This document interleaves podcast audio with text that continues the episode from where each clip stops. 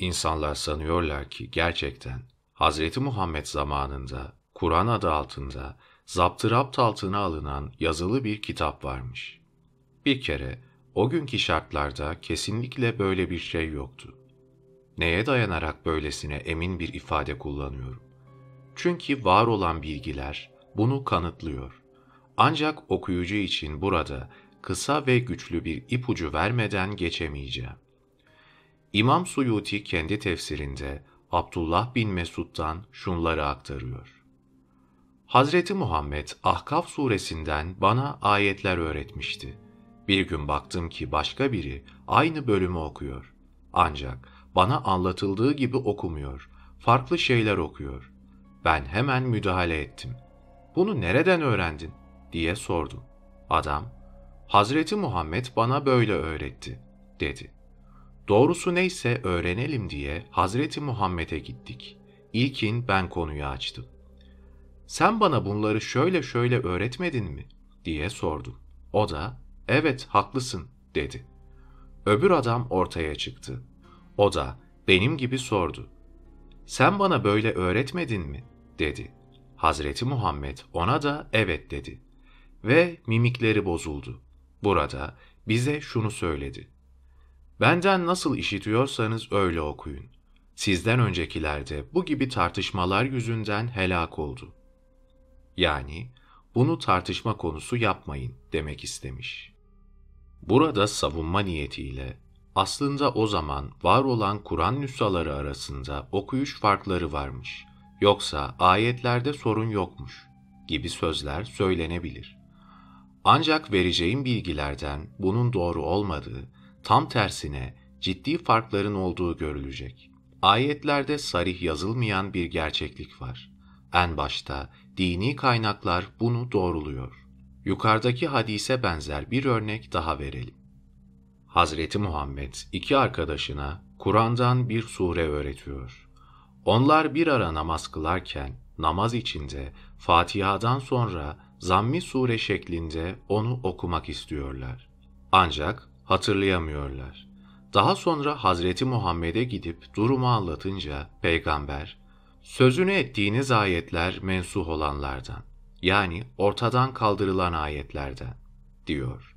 Bu İbni Ebi Halem, Hakim, İbni Adi, İbni Asakir, Taberani gibi birçok İslami yazar tarafından işlenmiştir. Hadis İbni Ömer'e dayanıyor. Ayrıca İbn Abbas şu önemli açıklamayı yapıyor. Hazreti Muhammed'e gece ayet gelirdi. Gündüz onu unuturdu. Bu yüzden Allah o ayetlerin nesiyle yani geçersiz kılınmasıyla ilgili Bakara suresi 106. ayeti indirdi, diyor. Nasih mensuh konusunda bu ayetle ilgili geniş bilgi sunacağım. Şefkani burada Hicri 4. yılda biri Maüne denilen yerde katledilen ashapla ilgili ayetlerin indiğini ve daha sonra mensuh olduğunu, yani Tanrı tarafından yürürlükten kaldırıldığını anlatıyor. Bu hadis Buhari'de birkaç yerde geçiyor. Beni Esed kabilesinden bir heyet Hazreti Muhammed'e gelir. Kendisi o heyetten Hadremi adındaki kişiden sorar. Kur'an'dan bildiğin bir şey var mı? Adam evet deyince Muhammed o zaman oku der. Hadremi başlar Abese suresini okumaya ve sonunda şu an Abese'de yazılı olmayan bazı ek cümlelerle devam eder. O sırada Muhammed fazla okuma, okudukların yeterli der. Tabii ki bu örnekte önemli olan şu. Adam baştan sona kadar düzgün okumuş. Ancak bazı cümleler ekleyince Hazreti Muhammed bu kadar yeter demiş. Ama son okudukların ayet değil dememiş. Zaten o zaman yazılı ayetler olmadığına ilişkin en sağlam kanıt Ebu Bekir'in açıklamalarında var. Kur'an ayetlerini kitap haline getirelim önerisi Ebu Bekir'e ilk kez yapıldığında o bunu kabul etmiyor. Gerekçesini de şöyle açıklıyor. Hazreti Muhammed'in kitap haline getirmediği, kendisinin yapmadığı bir işi ben nasıl yaparım diyor. Ebu Bekir'le Ömer Kur'an'ı yazma konusunda anlaşınca bu görevi Zeyd bin Sabit'e veriyorlar. Bu konuda Zeyd, bir dağı alıp başka yere taşımak benim için bu görevden daha kolaydır, diyor. Bu açıklamalar en başta Buhari'de birkaç yerde tekrarlanmakta. Özellikle bu konuda Kurtubi ve İbni Kesir'in tefsirleri mukaddime kısmında çok yararlı ve kapsamlı bilgiler veriyor. O zaman durum şöyleydi. Hazreti Muhammed ben peygamberim diyor ve davasını sözlü olarak sürdürüyordu. Bir hareketin lideri olarak kendisi de bir şeyler anlatıyor, bir dava öne sürüyordu. Bugünkü devlet yetkilileri gibi kendisi konuşunca ona ilgi duyanlar konuşmalarından ve icraatından kendilerine göre bir şeyler algılıyorlardı. İşte onun ölümünden sonra nasıl diyelim Cumhurbaşkanı, Başbakan bir konuşma yapınca icabında her gazeteci veya seyirci nasıl ondan farklı mesajlar çıkarıyorsa Kur'an içinde aynen böyle olmuş. Herkes Hazreti Muhammed'den anladığı biçimiyle başlıyor Kur'an ayetlerini şekillendirmeye, cümleler kurmaya. Veya şöyle diyelim, farz edelim ki bir örgüt lideri kısa bir açıklama yapıyor. Onun etrafındakiler, müritleri eğer isterlerse bu konuşmadan ciltler dolusu kitap ortaya çıkarabilirler. Durum Hazreti Muhammed'den sonra aynen bu şekilde devam ediyor. Peki Kur'an ayetleri nasıl kitap haline getirildi? Tarihçesine bakalım. Kur'an'ın kitap haline getirilmesi konusunda farklı tarih ve farklı gerekçeler var. Bunlar başta Buhari olmak üzere İslami kaynaklarda anlatılmakta. Her ne kadar kimi İslami eserlerde Kur'an Hazreti Muhammed zamanında bir araya getirilmişti deniliyorsa da cumhur bu görüşü dikkate almamıştır. Kenardan bir görüş şeklinde kimi yazarlar buna yer vermişlerdir. Kur'an bir bütün olarak Hazreti Muhammed zamanında yazılı olmadığı gibi ayetleri parça parça korunmaya da alınmamıştır. Bu çalışmamda var olan bilgi ve kanıtlar bir bütün olarak değerlendirildiğinde böyle bir sonuç ortaya çıkıyor.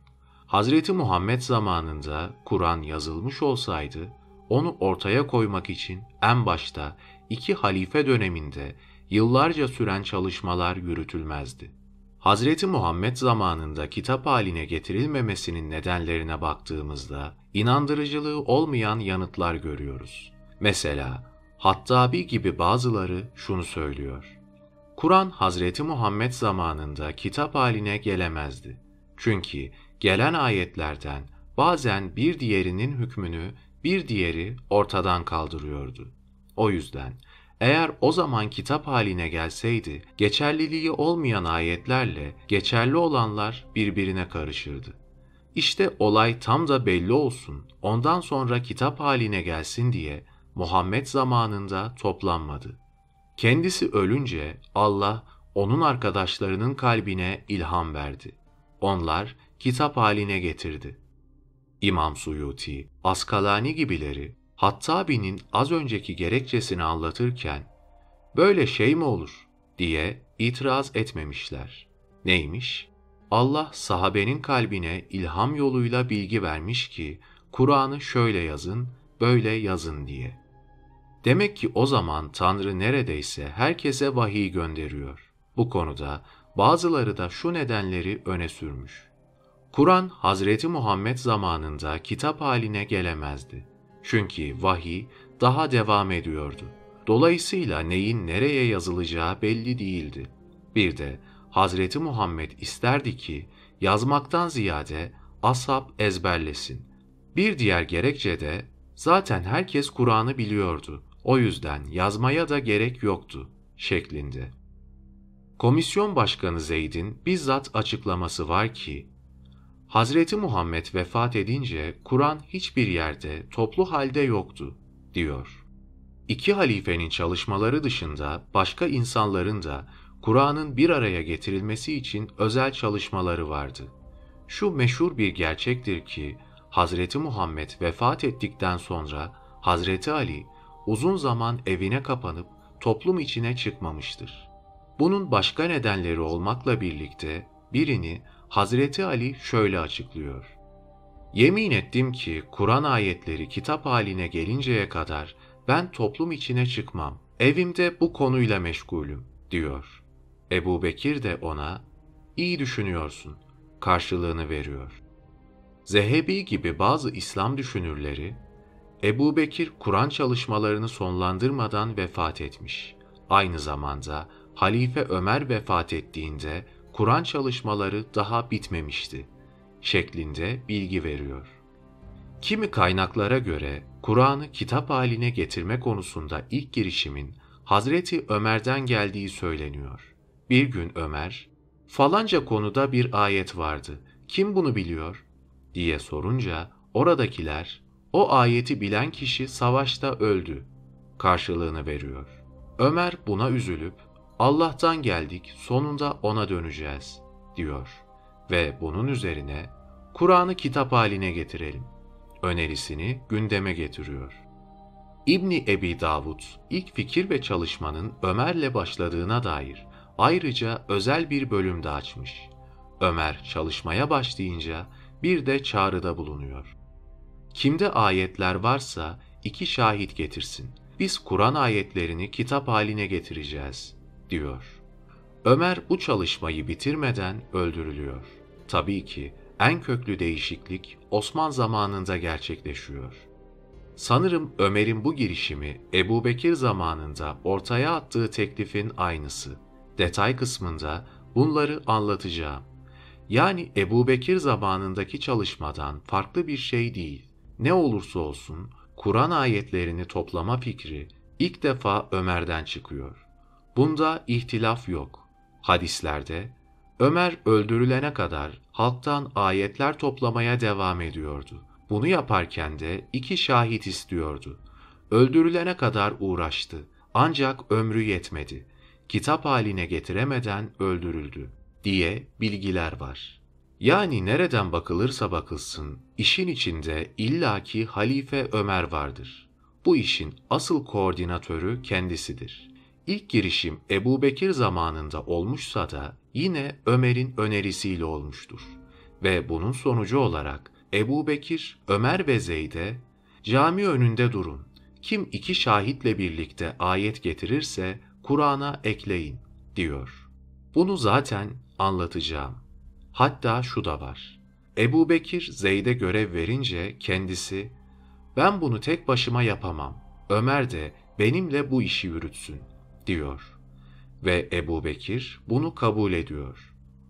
Yaygın olmamakla birlikte rivayetlerde Kur'an'ı ilk defa Ebu Hüzeyfe'nin kölesi Salim adındaki kişinin bir araya getirdiği bilgisi de var. Kaynaklardaki yaygın görüş, Kur'an'ı kitap haline getirme fikir ve çalışmasının ilk defa Ebu Bekir zamanında başlamış olmasıdır. Kur'an'ı bilen çoğu kişinin savaşlarda öldürülmeleri Müslümanları kaygılandırmış. Onu bilenler biterse ne yapacağız diye endişeye düşmüşler. Bu gerekçeyle ilk çalışmalar Ebu Bekir zamanında başlamış. İkinci bir çalışma da Halife Osman zamanında. Var olan bilgilere göre Ebu Bekir ile Osman'ın hem çalışmaları hem de gerekçeleri farklı. Ebu Bekir, Kur'an kaybolmasın diye onu düzensiz bir şekilde kayda geçirmeye başlamış. Osman ise Ebu Bekir'in hazırladığı nüshayı temel alarak yeni bir Kur'an ortaya çıkarmış ve kalan tüm Kur'an nüshalarını imha etmiş. Her ne kadar Ebu Bekir ve Osman'ın Kur'an'la ilgili çalışmaları üzerinde daha fazla durulmuşsa da aslında ilk çalışmanın Hazreti Ali ile başladığı tezi gerçeğe daha yakın. Hazreti Ali, Kur'an'ın bir araya getirilmesi için dert yandığı, bu konuda özel çalışmalar yürüttüğü ve baştan beri vahiy katipliği de yaptığı halde ne Ebu Bekir ne Osman zamanındaki çalışmalarda yer almıştır. Daha doğrusu rakip olduğu için ona yer verilmemiştir. Şu bir gerçek ki ayetlerin kitap haline getirilmesiyle ilgili bugün milyonlarca Müslümanın ezberindeki bilgi gerçeği yansıtmıyor. Gerçek bunun tam tersi. Bu çalışmamdan amaç da bunları belgelemektir. Kur'an ayetlerinin toplanıp bir araya getirilmesiyle ilgili bu genel bilgiyi sunduktan sonra detay kısmına geçelim. Bakalım çalışmalar nasıl yürütülmüş. Bölüm 1 Kur'an'ın Ebu Bekir zamanında kitap haline getirilmesi Hazreti Muhammed öldürülünce Müslümanlar kitlesel bir şekilde İslamiyet'i terk ediyorlar, dinden çıkıyorlar. Mekke ve Medine'deki camilerle Bahreyn'de bir cami olmak üzere yalnız üç merkezdeki camiler kalıyor. Halife Ebu Bekir, Müslümanları bir daha toparlamak için dinden çıkanlara karşı değişik cephelerde savaş ilan ediyor. Peygamberlik iddiasında bulunanların üzerine gidiyor. Mesela meşhur Müseyleme, Şecah binti Haris adında bir kadın, Yakıt isminde bir başka kadın. Bu kadın Suriye'nin Halep tarafında peygamberlik iddiasında bulunuyordu.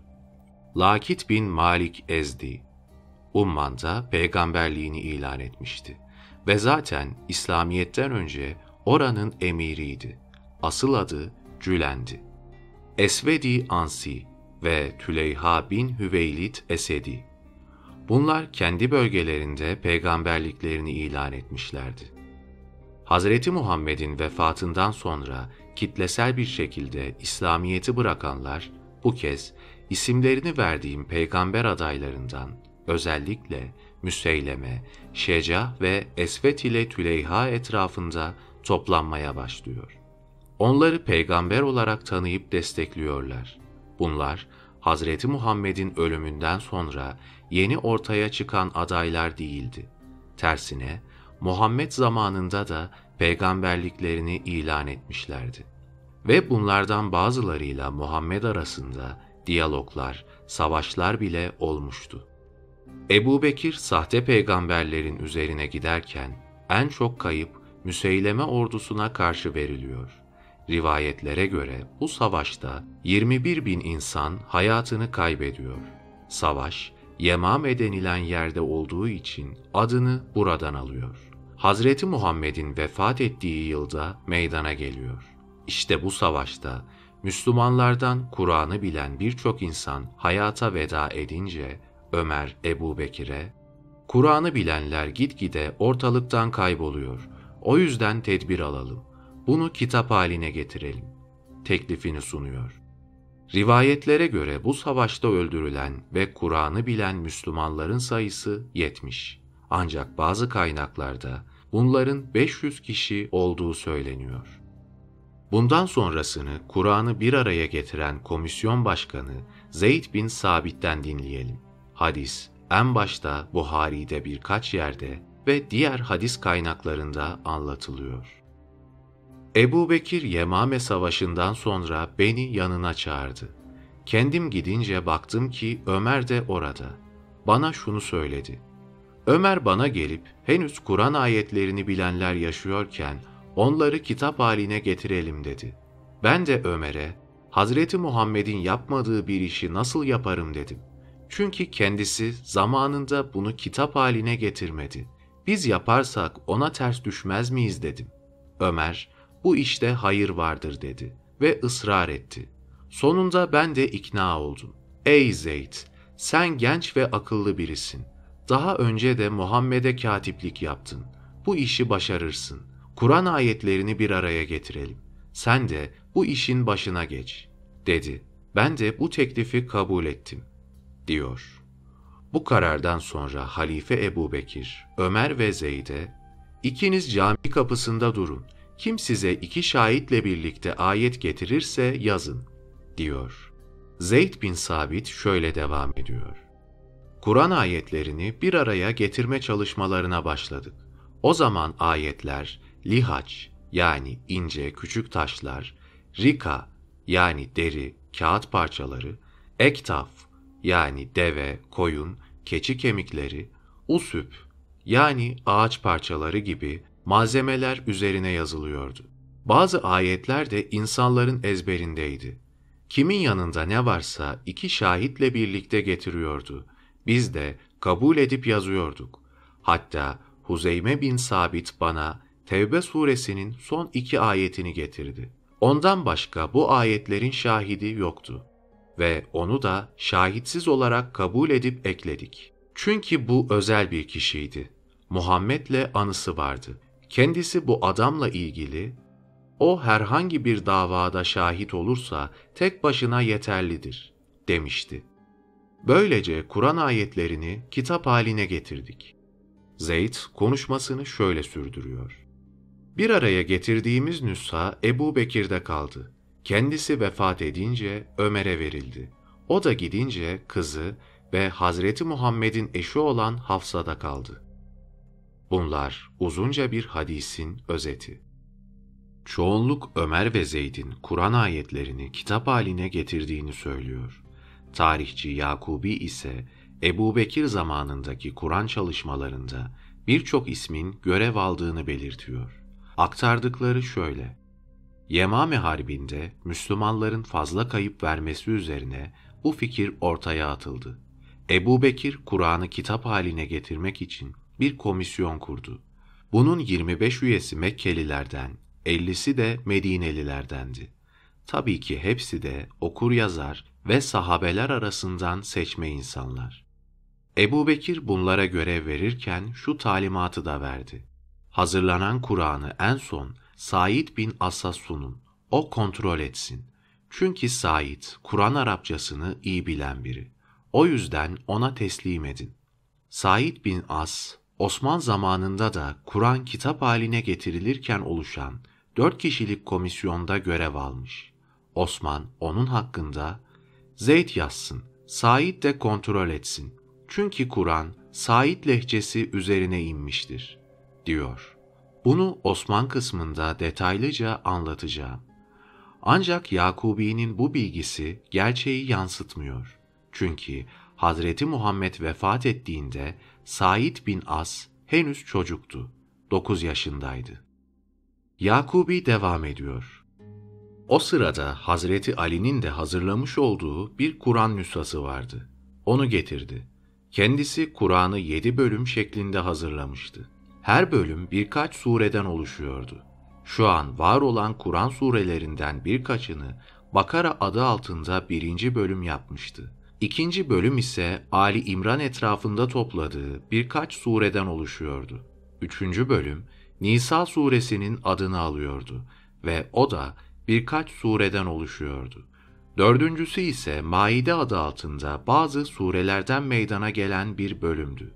Beşinci bölüm Enam suresi adını taşıyordu ve o da birkaç sureden oluşuyordu. Altıncı bölüm Araf adını alıyordu ve 16 sureden oluşuyordu. Yedinci ve son bölüm ise adını Enfal suresinden alıyordu ve bu da 16 sureden oluşuyordu. Kısacası Hazreti Ali'nin Kur'an nüshası tabii ki Yakubi aktarımına göre 7 cüzden oluşmaktaydı. Şu an var olan Kur'an 30 cüzdür. Ama Hazreti Ali'ninkinin her cüzü yaklaşık 15-16 sureden oluşmaktaydı. Yakubi bunu uzun uzadıya anlatıyor. Ebu Bekir zamanındaki komisyon Kur'an ayetlerini kitap haline getirirken adı ne olsun diye tartışıyorlar. Kimisi adı Sif olsun diyor. Bu kelime büyük kitap anlamına gelmekte. Ancak daha önce Yahudiler Tevrat'ın bölümlerine bu adı taktıkları için bu teklif kabul edilmiyor. Her ne kadar burada Yahudi kökenli bir kelimedir. Bunu Kur'an'a isim yapmayalım demişlerse de bunun çoğulu olan esval kelimesi Kur'an'da kullanılmıştır. Kimisi de Habeşliler kendi kutsal kitaplarına musaf diyorlar. Biz de bu ismi kullanalım deyince bu görüş kabul ediliyor ve o günden bu yana Kur'an'a musaf deniliyor. Ebu Bekir zamanında yapılan çalışmanın özeti bu. Bölüm 2 Osman zamanındaki farklı Kur'an nüshaları O zamanki farklı Kur'an nüshaları hakkında değişik kaynaklarda yeterince bilgi var.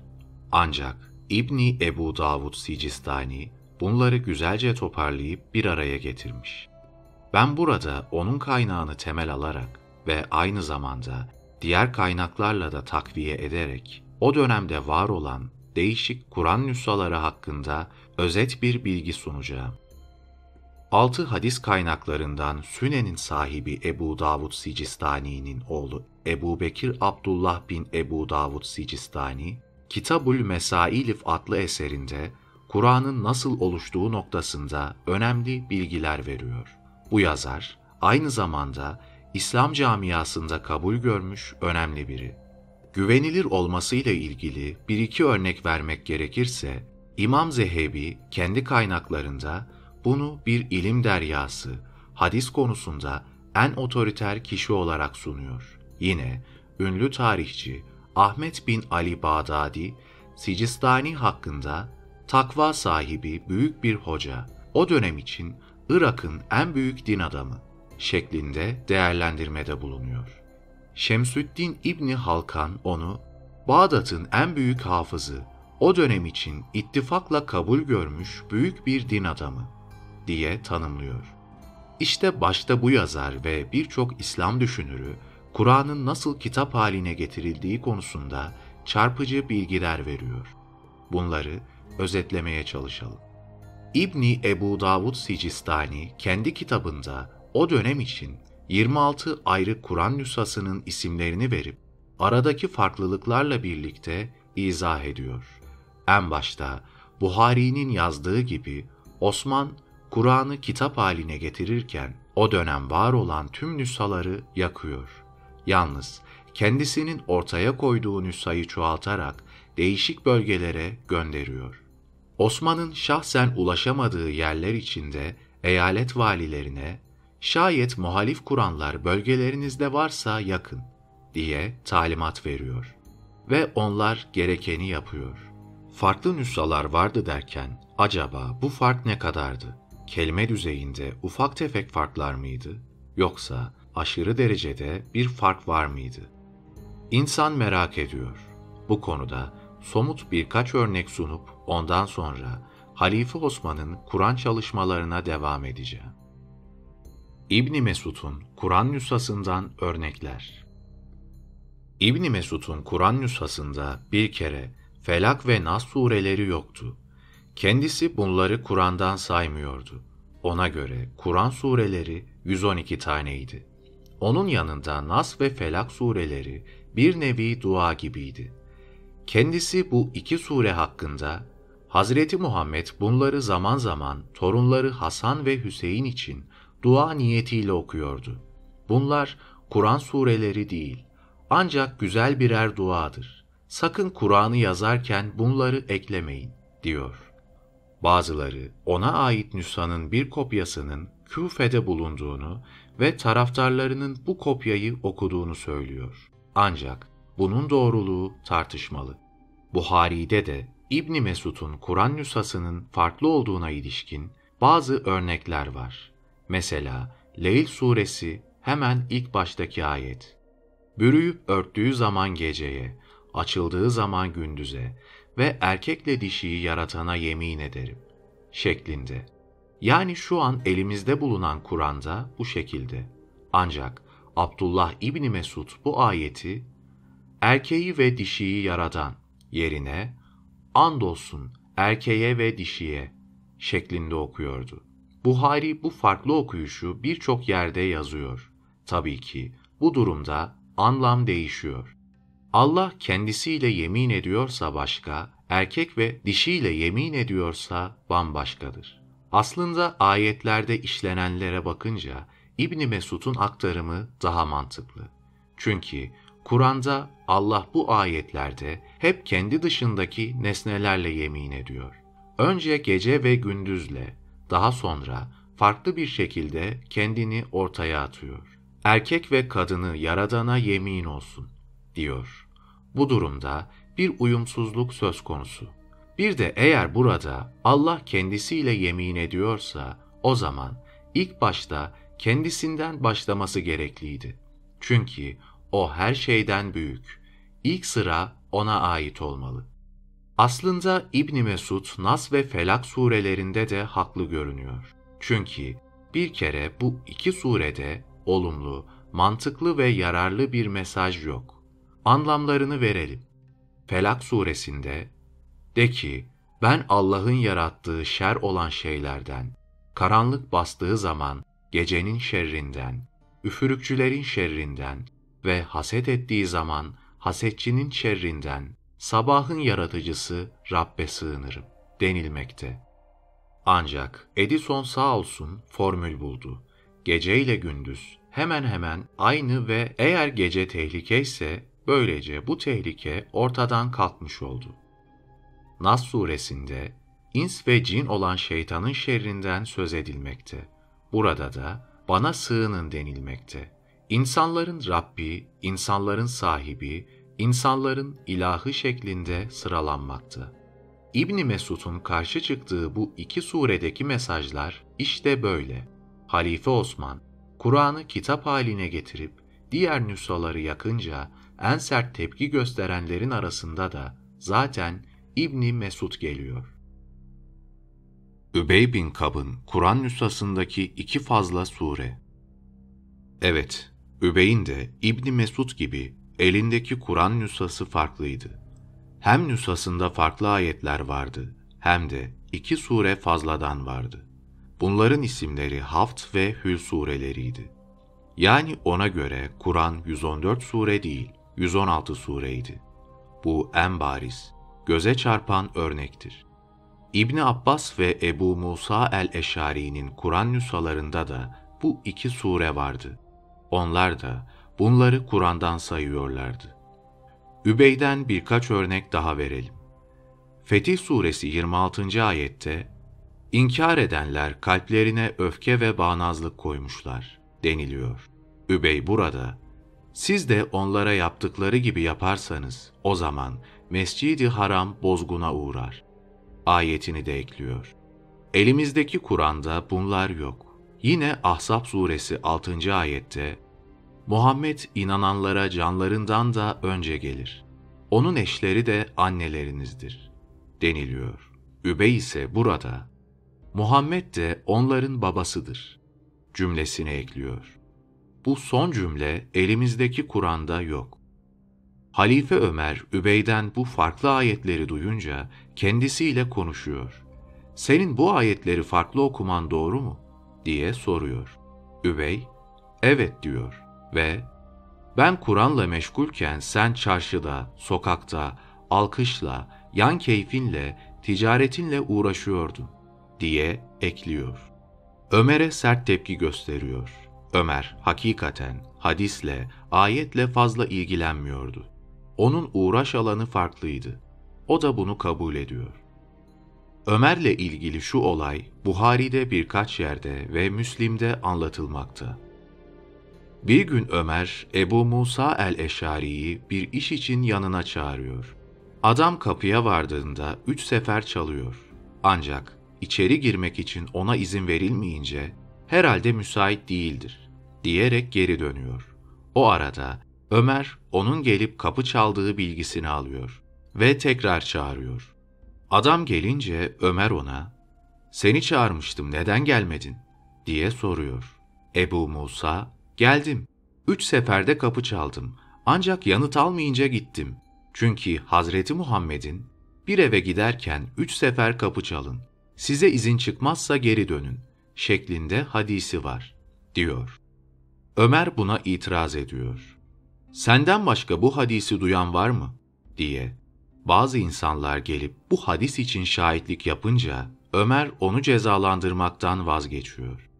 Kaynaklarda eğer adamın böyle bir mazereti olmasaydı Ömer ona ceza verecekti şeklinde bilgi var. Ebu Musa haklı çıkınca Ömer burada Meğer ki gerçekten ben sokaklarda ticaretle uğraşırken Hazreti Muhammed'in hadislerini ihmal etmişim şeklinde ilgisizliğini ve bilgisizliğini itiraf ediyor. Hatta bir ara konuşmasında kim Kur'an'dan bir şey öğrenmek istiyorsa Übey'e gitsin. Kim verasetle ilgili bir şey öğrenmek istiyorsa Zeyd bin Sabit'e gitsin. Fıkıh için adres Muaz bin Cebel'dir. Ekonomi konusunda da ben uzmanım, diyor. Übey'in iddiasına göre mevcut Kur'an'da birçok ayet yoktur. Mesela bir gün Hazreti Muhammed onu yanına çağırıp kendisine Cebrail bana vahiy getirdi ki Allah demiş Kur'an'ı Übey için oku Gel dinle, sana okuyayım, diyor. Ve Beyyine suresinin ilk ayetini okumaya başlıyor. Aynı surede, İnsanoğlu bir vadi dolusu mal istese, ben de versem, bu sefer başlar ikinci vadiyi istemeye. Onu versem üçüncüyü ister. Ve bu istekler sonsuza kadar sürer. Ancak toprak onun gözünü doldurur. Allah katında gerçek din Hanif dinidir. Bunun dışında olan müşriklik, Yahudilik ve Hristiyanlık batıldır. Kim bir iyilik yaparsa mükafatı kaybolmayacaktır. Şeklinde uzun bir ayettir. Yineliyorum. Übey'in sözünü ettiği bu ayetler şu an Kur'an'da yoktur. Görüldüğü gibi nüshalar arasında fark çok büyük. Übey'in Kur'an'la ilgili farklı ayetleri konusunda daha sonra yine bilgi vereceğim. Hazreti Muhammed'in eşlerindeki Kur'an nüshaları Hazreti Muhammed'in eşlerinden Hafsa, Ayşe ve Ümmü Seleme'nin Kur'an nüshalarında farklı ayetler vardı. Mesela Hafsa, Amr bin Rafi'ye kendi Kur'an nüshasını yazdırırken Bakara suresinde geçen namazlara ve orta namaza dikkat edin. Ayetinin sonunda ikindi namazına da dikkat edin cümlesini de yazdırıyor. Ve ayet bu şekilde gelmiştir diyor. Ki bu cümle şu an var olan Kur'an'da yoktur. İbni Ebu Davud buna dair üst üste dokuz hadis sıralıyor. Ayrıca bu bilgi başka birçok kaynakta da geçiyor. Suyuti bunu tefsirinde işlerken en başta Buhari olmak üzere birçok hadis uzmanı ve Kur'an yorumcusunun da bunu işlediğini belirtiyor. İmam Malik de bunlardan birisidir. Hafsa'nın bu farklı ayeti Hazreti Ayşe'nin Kur'an nüshasında da vardı. Ayşe kendi nüshasını Ebu Yusuf adındaki kişiye yazdırırken Hafsa gibi Bakara suresindeki ayete ikindi namazına da dikkat edin cümlesini yazdırıyor. Bu en başta Müslim'de anlatılıyor. Az önceki ayet Muhammed'in eşlerinden Ümmü Seleme'nin Kur'an nüshasında da vardı. Kendisi azatlı kölesi Abdullah bin Rafi'ye Kur'an nüshasını yazdırırken Ayşe ve Hafsa gibi Bakara suresi 238. ayette ikindi namazına da dikkat edin cümlesini yazdırıyor. Görüldüğü gibi Hazreti Muhammed'in her üç eşinin de Kur'an nüshasında bu cümle ortak olarak yer almıştır. Ancak şu anki Kur'an'da yok. Kaldı ki bu üç kadın da okur yazardı. Yani boş insanlar değildi. Halife Ömer, Fatiha suresini bile farklı okuyordu. Mesela Fatiha'nın son ayetinde ellezine kelimesi var. Ömer bunun yerine men kelimesini kullanıyordu. Yine bu ayette gayr kelimesi bir sefer geçiyor. Ömer ise bunu iki sefer okuyordu. Ve cemaate namaz kıldırırken de böyle okuyordu. İbni Ebu Davud buna dair yedi hadisi üst üste sıralıyor. İşte nüshalar arasındaki fark böylece hem fazla hem de herkes benimki doğrudur deyince Halife Osman olaya el koyuyor ve yeni bir nüsa ortaya çıkarıp kalanları imha ediyor. Şimdi de Osman'ın bu konuda nasıl bir çalışma yürüttüğünü anlatmaya başlayalım. Bölüm 3 Kur'an'ın Osman zamanında kitap haline getirilmesi Ebu Bekir bölümünde belirtildiği gibi burada da yine Buhari'deki bilgiyi temel alarak konuyu anlatmaya çalışacağım. Enes bin Malik anlatıyor. Huzeyfe bin Yaman Halife Osman'ın yanına geldi. Kendisi o sırada Şam tarafında Müslümanlarla Ermeni ve Azerilere karşı yapılan savaştan yeni dönmüştü.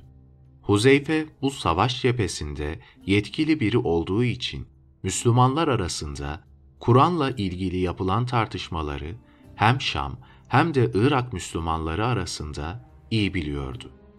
Basralılar Ebu Musa el-Eşari rivayetini, Küfeliler Abdullah bin Mesud, Şamlılar Übey bin Kab ve Humus halkı da Miktat bin Esved'in rivayetini tercih ediyorlardı.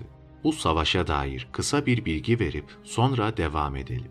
Müslümanlarla Azerbaycan, Ermenistan arasında Halife Ömer zamanında bir savaş yapılır. ilk karşılaşmada Müslümanlar galip gelir. Bunun sonucu olarak Azeriler maddeleri ağır bir antlaşmayı kabul etmek zorunda kalır.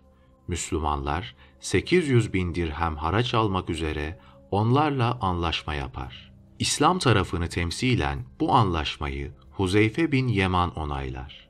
Bu olay Halife Ömer döneminde Hicri 22 yılında ceryan eder. Bundan iki yıl sonra Azeriler ve Ermeniler kendilerini toparlayınca daha önce anlaştıkları parayı vermekten vazgeçer. Bu yüzden Hicri 24 ve 25 yılında onlarla Müslümanlar arasında yeniden savaş başlar ve bu sefer Müslümanlar çok kayıp vermişlerdir. Huzeyfe, Müslümanların Kur'an hakkındaki olumsuz tartışmalarını görünce endişeye düşer. Bu yüzden Osman'a, Müslümanlar Yahudi ve Hristiyanlar gibi ihtilaflara düşmeden Kur'an hakkında tedbir alalım. Herkesin okuyabileceği, kullanabileceği ortak bir Kur'an olsun, der. Halife Osman, Huzeyfe'nin teklifini kabul ediyor ve bu konuda bir komisyon oluşturup start veriyor. Osman zaten bu olup bitenlerden habersiz değildi. Her yerde Kur'an nüshaları hakkında tartışmalar vardı. Her kafadan bir ses çıkıyordu. Herkes, benim Kur'an'ım veya falancanın Kur'an'ı gerçektir, kalanlar yanlıştır, diyordu. Ve bu yüzden birbirlerini küfürle suçluyorlardı. Hatta aralarında kavgalar oluyordu. Sonuçta Halife Osman duruma müdahale ediyor ve Nedir? Kimisi Zeyd bin Sabit'in Kur'an'ı gerçek, bilmem Übey bin Kab ve diğerlerininki gerçektir diyor. Hazreti Muhammed'le bu kadar yıl yaşadınız. Bunun karşılığı bu mu olacaktı? Gibi bir konuşma yapıyor. Ve Kur'an yazımı çalışmalarını başlatıyor. Ve daha önce Ebu Bekir zamanında hazırlanan ve Ömer'in kızı Hafsa'da bulunan Kur'an nüshasını Hafsa'dan alıyor. Osman'ın kurduğu dört kişilik komisyon şu kişilerden oluşuyordu. Zeyd bin Sabit, Abdullah bin Zübeyir, Said bin As ve Abdurrahman bin Haris bin Hişam. Bu dört ismin Osman tarafından Kur'an komisyonuna alınmasıyla alakalı hadis en başta Buhari'de geçmekte. Bunlardan Zeyd bin Sabit Medineli, geriye kalanların ise babaları Mekkeli. Ancak onlar hicretten sonra Medine'de doğmuşlardı. Hepsi gencecik insanlardı. Abdullah bin Zübeyir, Mekke'nin Esed kabilesinden. Sa'd bin As, Halife Osman'ın bağlı olduğu Emevilerden.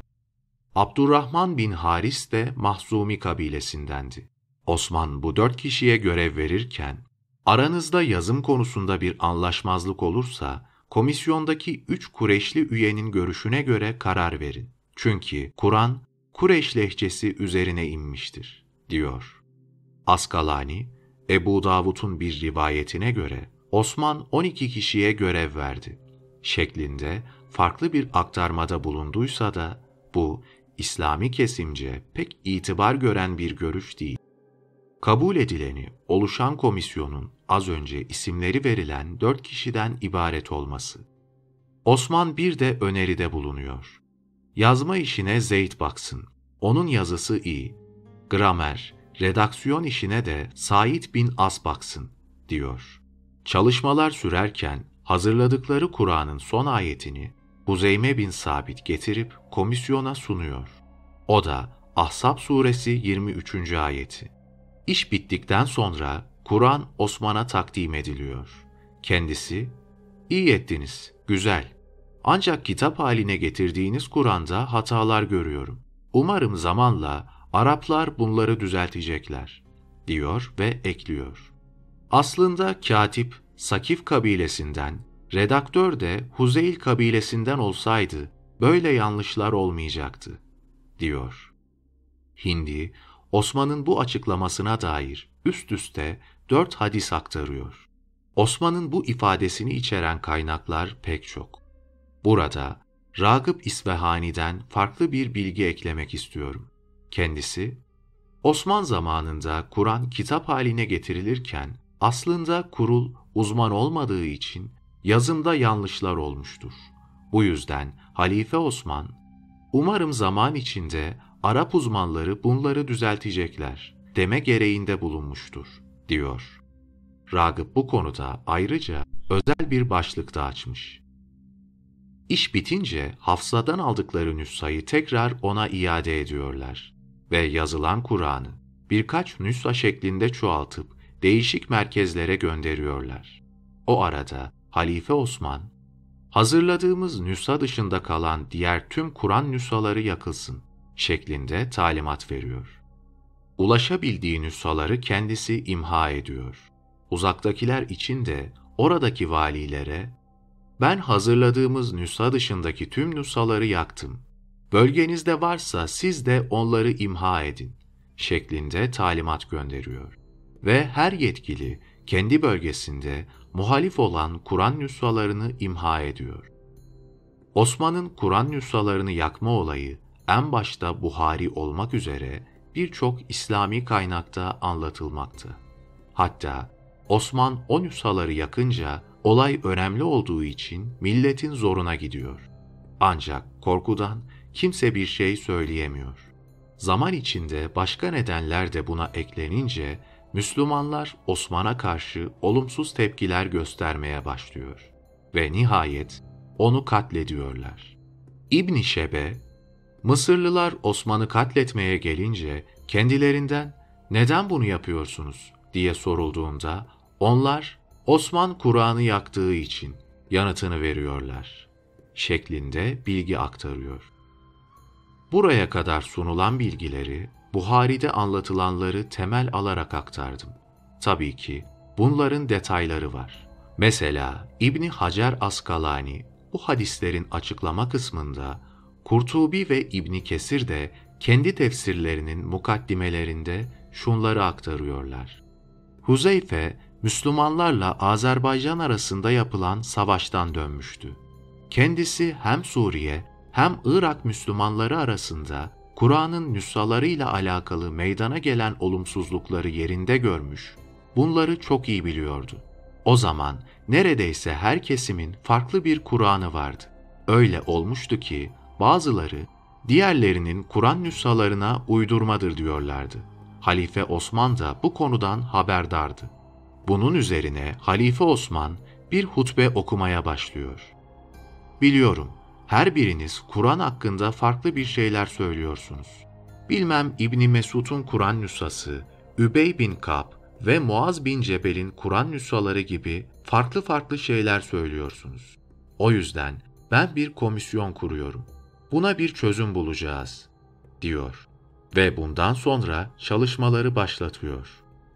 Oluşturulan bu Kur'an nüshalarından Şam, Basra, Küfe ve Hicaz bölgelerine de gönderiyor. Bölüm 4 Komisyon üyeleri hakkında bir özet Buraya kadar anlatılanlardan normal bir manzara gözükebilir. Ancak işin içinde enteresan şeyler var. Konuya ilişkin çarpıcı bilgiler var. Hep söyleniyor ki Zeyd bin Sabit başkanlığında dört kişilik bir komisyon toplanıp Kur'an'ı ortaya çıkardı veya kitap haline getirdi. Ama bu dört kişi kim? Nasıl insanlardı? Yaşları kaçtı? Biyografileri hakkında kimse bilgi sahibi değil veya merak etmemiş. Herkes anlatılanlara safça inanmış. Burada dengeleri bozan bilgiler söz konusu. O yüzden komisyon üyeleri hakkında dikkate değer bazı bilgiler sunmakta fayda var. 1. Zeyd bin Sabit Bu adam aslen Medineli. Muhammed Medine'ye hicret ettiği sırada kendisi 11 yaşında yetim bir çocuk. Hatta Hicri 3. yılında meydana gelen Uhud Harbi'ne küçük olduğu için katılamıyor.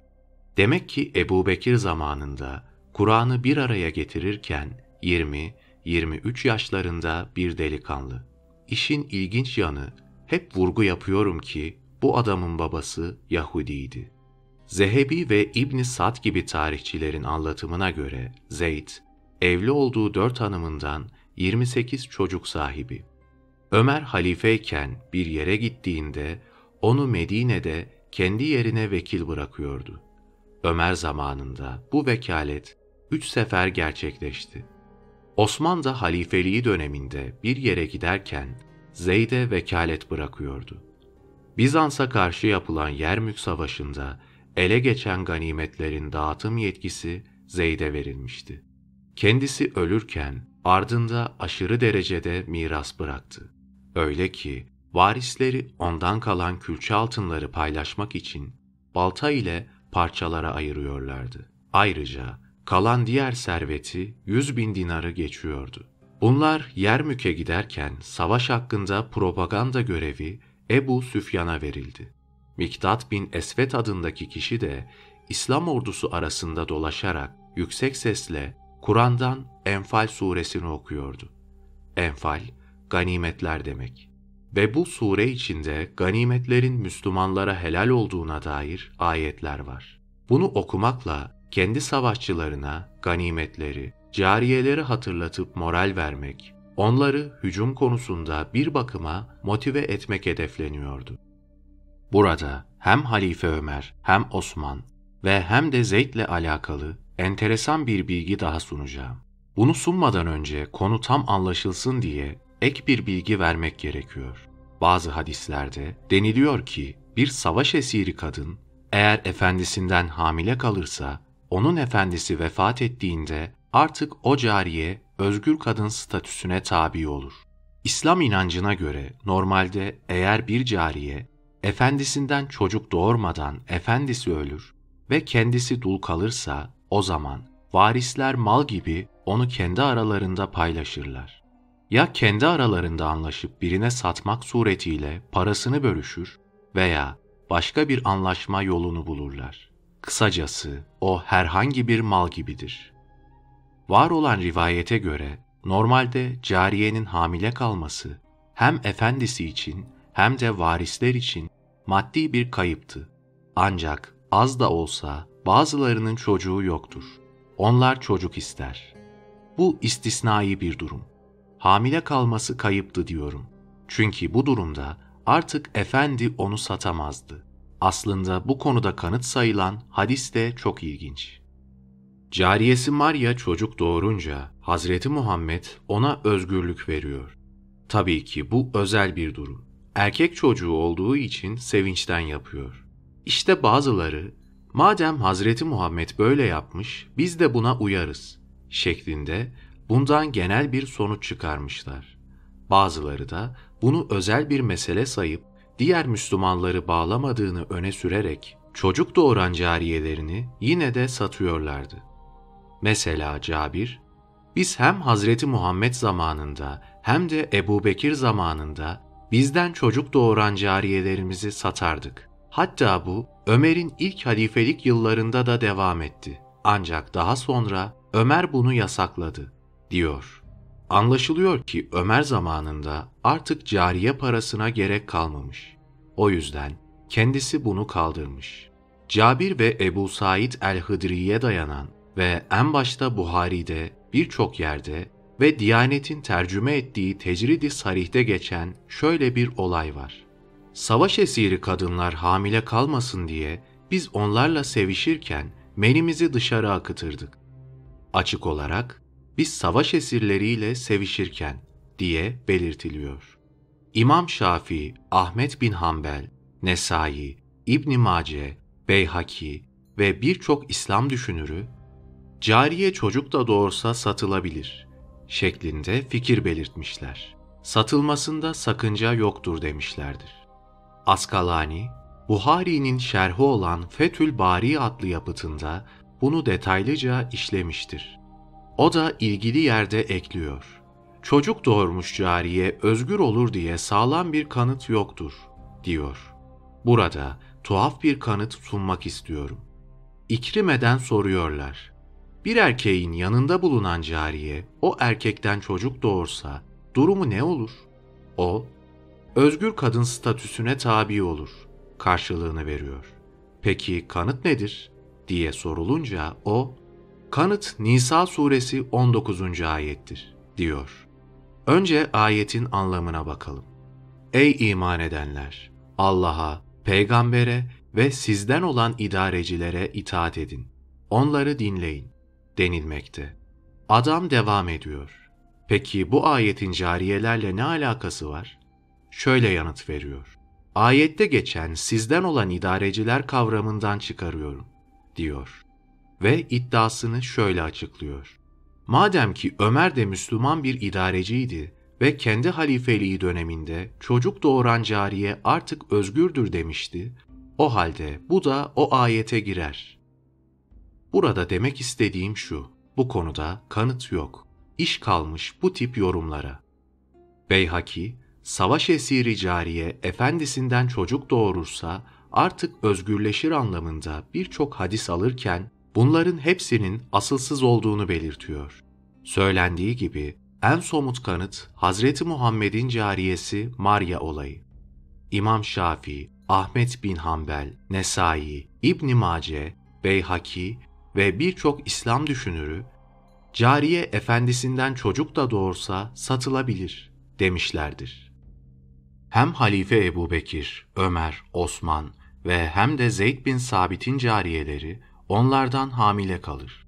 Ancak çok çirkin, asılsız bahanelerle cariyelerini lekelemiş, hem de onları Ümmül Veled yani çocuk sahibi cariye olarak kabul etmemişlerdir. Kur'an çalışmasında yer alan heyette bulunduğu için Zeyd bin Sabit'le alakalı örneği sunmak istiyorum ki kişiliği tam olarak anlaşılsın.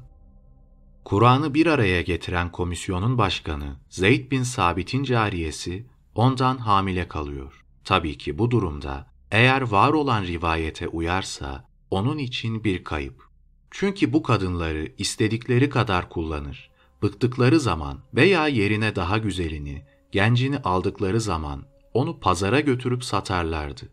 Hamilelikle bu imkan kısıtlanıyordu. O yüzden Zeyd de Ömer gibi çocuğun kendisinden olmadığını iddia ediyor ve şöyle bir bahane uyduruyor. Ben seninle sevişirken hamile kalmaman için tedbirimi alıyordum, diyor ve kadına Ümmül Veled denilen statüyü vermiyor. Bunu kabul etmiyor. Zeyd'e dair oğlu farklı bir olay anlatıyor. Zeyd'in İranlı bir cariyesi vardı. Hamile kalmasın diye Zeyd tedbir alıyordu. Buna rağmen hamile kaldı. Zeyd bunu kabul etmedi. Çocuk benim değil, dedi. Ve kadına zina cezası uyguladı. Çocuğu da azat etti. Burada farklı bir anlatım da var.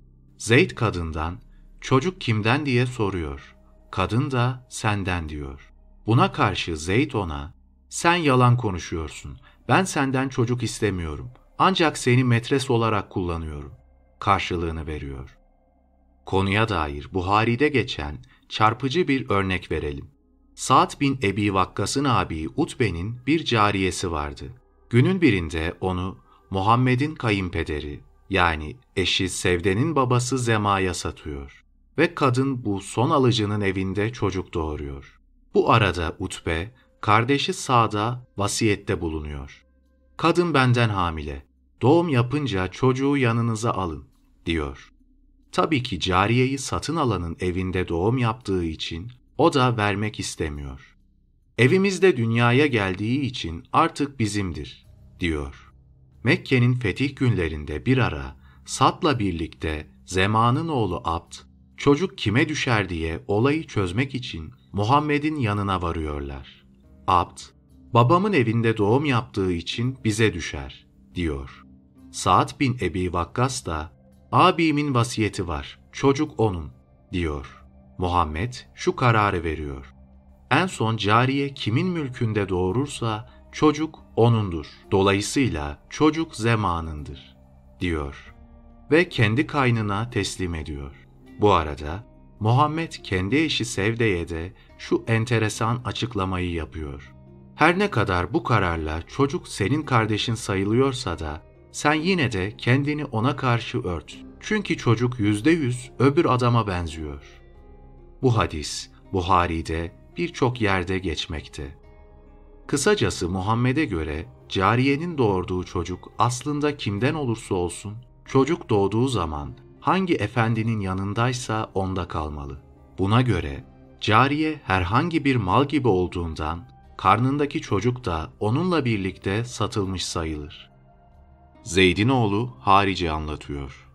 Halife Ömer bazen seferden döndüğünde Zeyd'e bir bahçe bağışlardı. Yani kıymetli bir ikramda bulunurdu, diyor. Bunu Zeyd de söylüyor. Genelde Ömer seferden döndü mü bana bahçe gibi kıymetli bir ikramda bulunurdu, diyor. Verecek tabii ki. Çünkü talan çoktu. Her yerden mal geliyordu. Hatta Halife Ömer, Hazreti Muhammed'in her hanımına 10 bin dirhem maaş verirken, Hazreti Ayşe'ye 2 binde fazla veriyordu.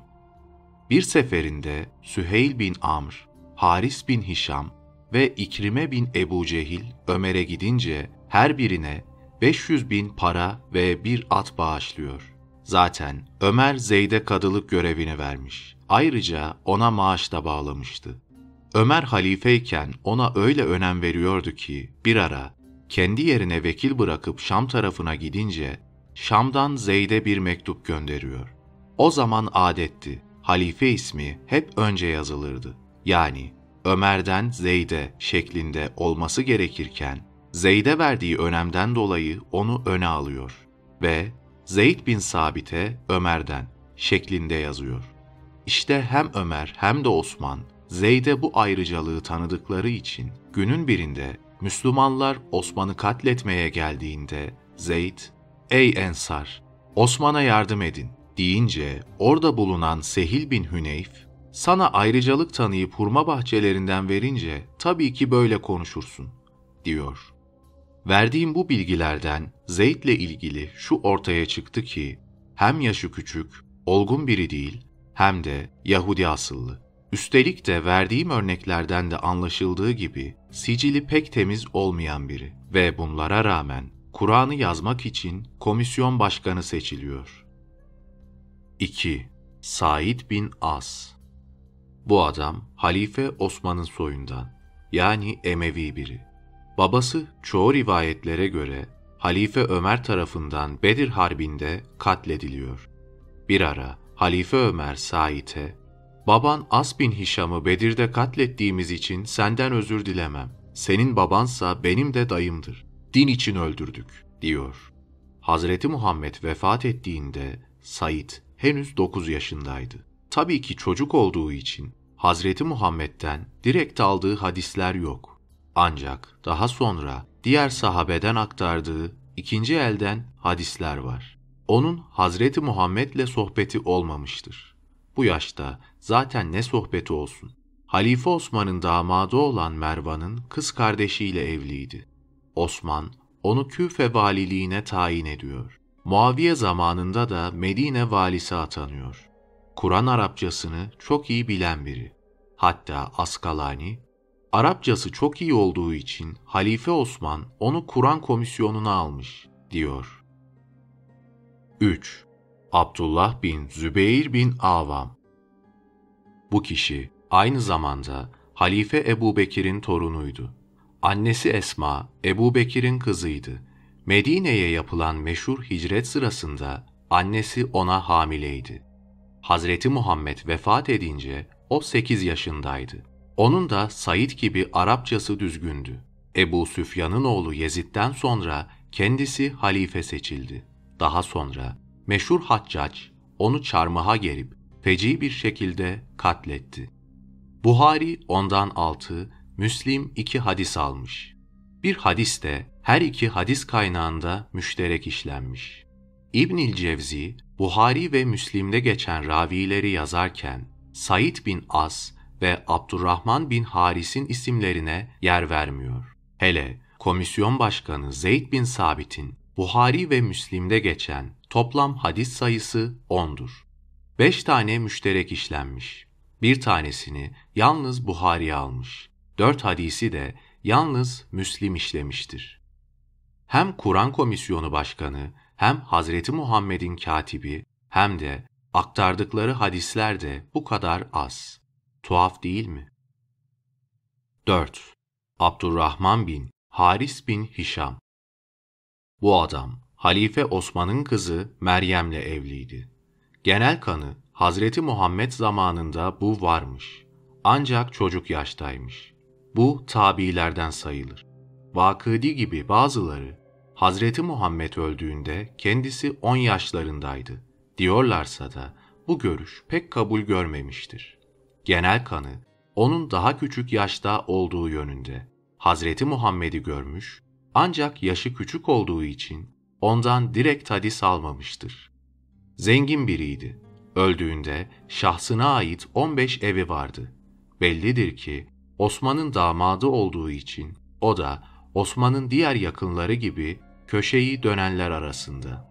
Bu kişi aynı zamanda meşhur Ebu Cehil'in yeğeniydi. Babası Haris ile Ebu Cehil kardeşti. Abdurrahman'ın babası muhaliflerdendi. Müslüman değildi. Ancak Mekke fethedilince kılıç İslam'ını kabul eder. Babası Hazreti Ali'nin kız kardeşi Ümmü Mani'nin evine sığınır. Ricacı ol, Muhammed beni öldürmesin, der. Sonunda Hazreti Muhammed kadının ricasını kabul eder. Ve ayrıca önemli biri olduğu için Havazin Harbi'nde ele geçirdiği ganimetlerden ona da yüz deve bağışta bulunur. Şunu söylemekte fayda var.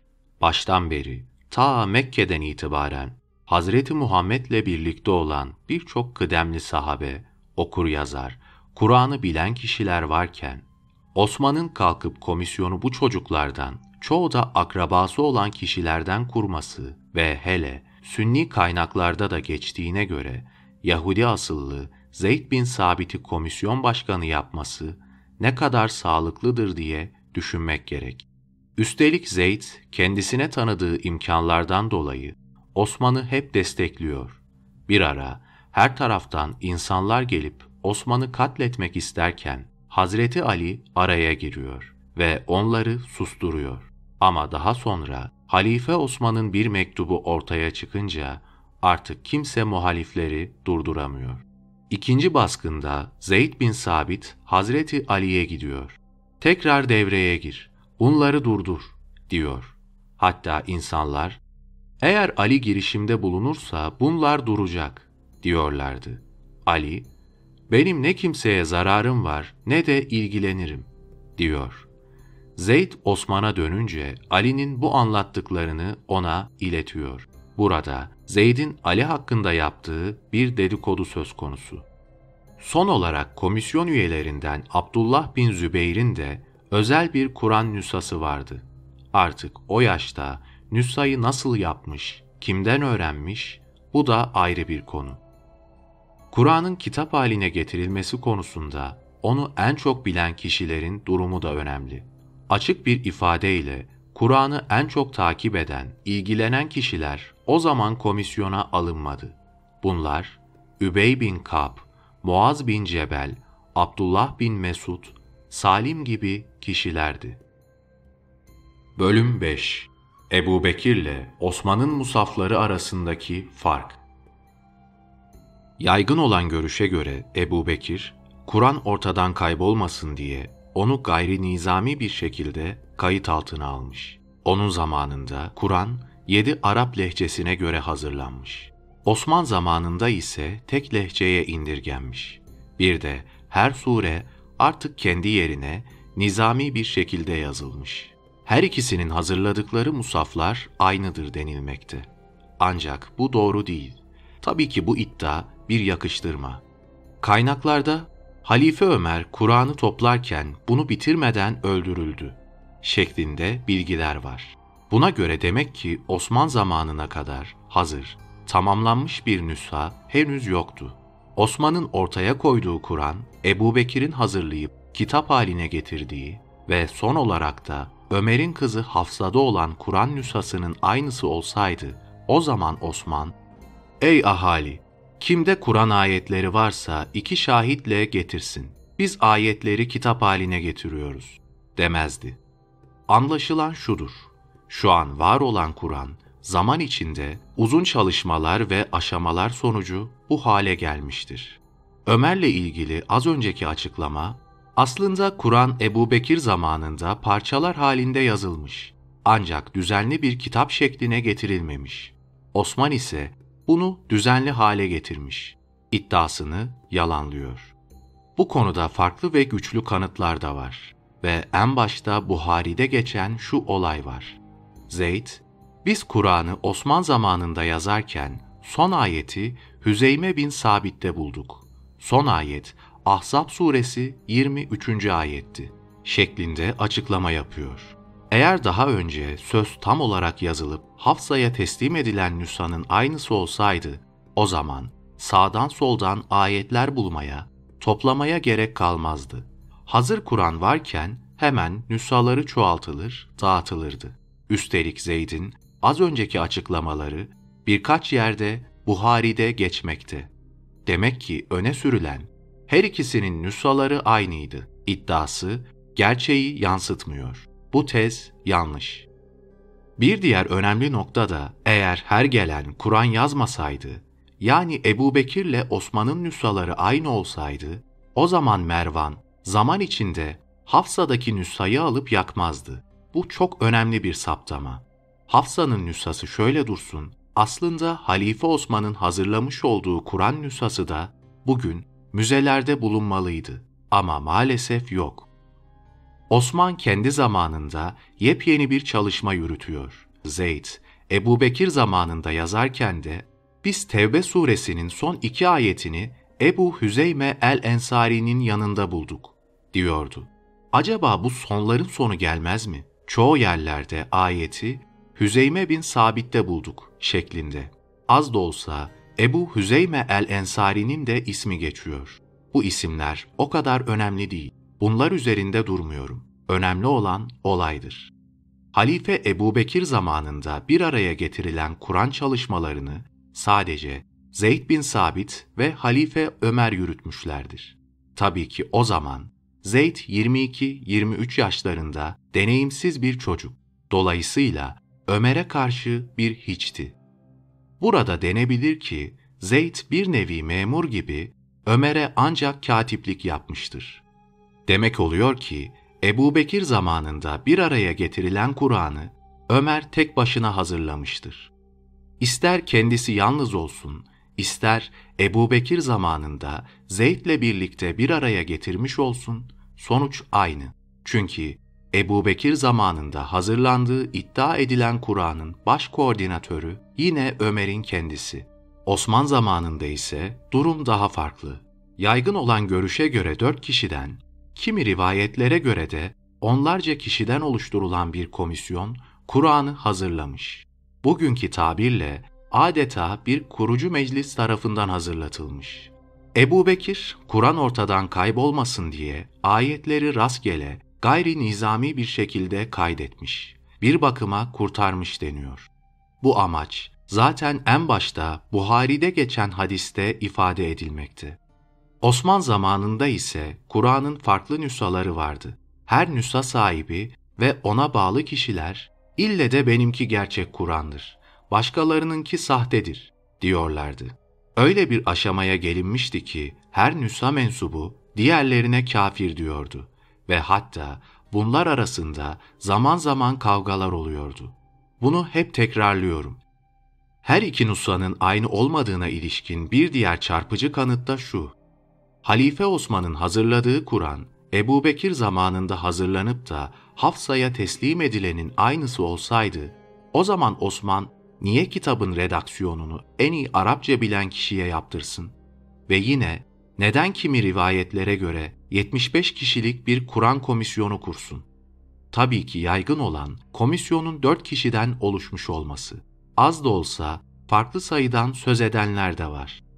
En önemlisi de eğer bir darbe Kur'an'ı olmasaydı, İslamiyet'in başından beri Hazreti Muhammed'le beraber olan ve o meşhur Hudeybiye Antlaşması'nda Hazreti Muhammed tarafından katip seçilen ve yine Hazreti Muhammed Medine'ye hicret ederken Mekkeli muhalifleri yanıltmak için yatağına bırakılan Ali, yine onun ölümünden sonra Kur'an'ın bir araya getirilmesi için özel çalışmalar yürüten Ali niye komisyona alınmadı?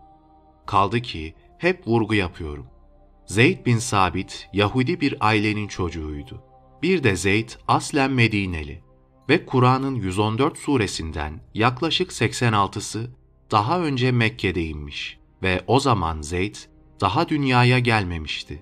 Hazreti Ali ve İbni Mesud'un belirttikleri gibi kendileri bir ayetin sebep-sonuç ilişkilerini ne zaman, nerede, niçin indiğini detayına kadar biliyorlardı ve Zeyd ile diğer üç arkadaşı diyelim Kur'an'ın kalan 28 Medine surelerini bildiler. Peki Mekke'de inen 86 sureyi Hazreti Ali'den daha mı iyi biliyorlardı ki onlar komisyonda görev aldı ama Ali pasif bir üye bile olamadı. Eğer Osman ile Ebu Bekir'in hazırladıkları nüshalar aynı olmuş olsaydı, Mervan neden Hafsa'da bulunan ve Ebu Bekir zamanında hazırlanan Kur'an nüshasını alıp yaktı?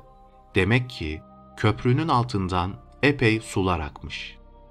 Osman'ın Kur'an nüshalarını yakma olayı halk arasında olumsuz etki bırakıyor. Onların zoruna gidiyor.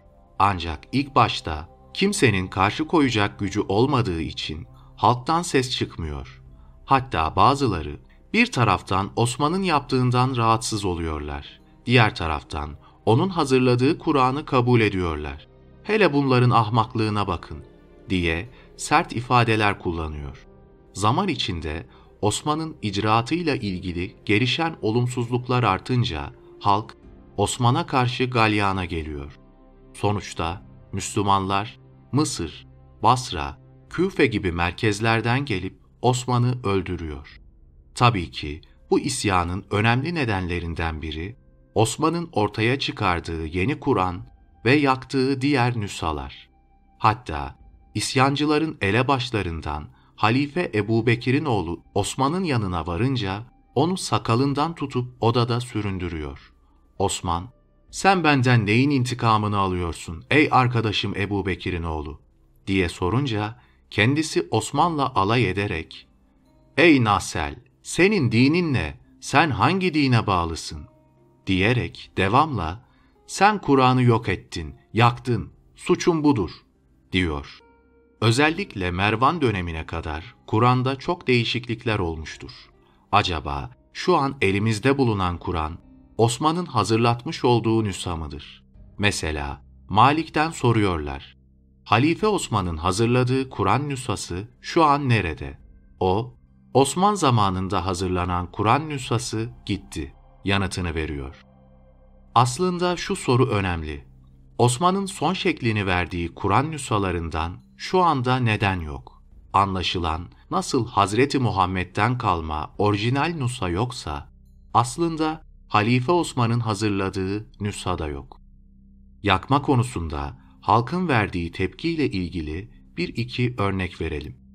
Amr bin Şürehbil anlatıyor. Ben namaz kılarken biri gelip sen namazını kılıyorsun.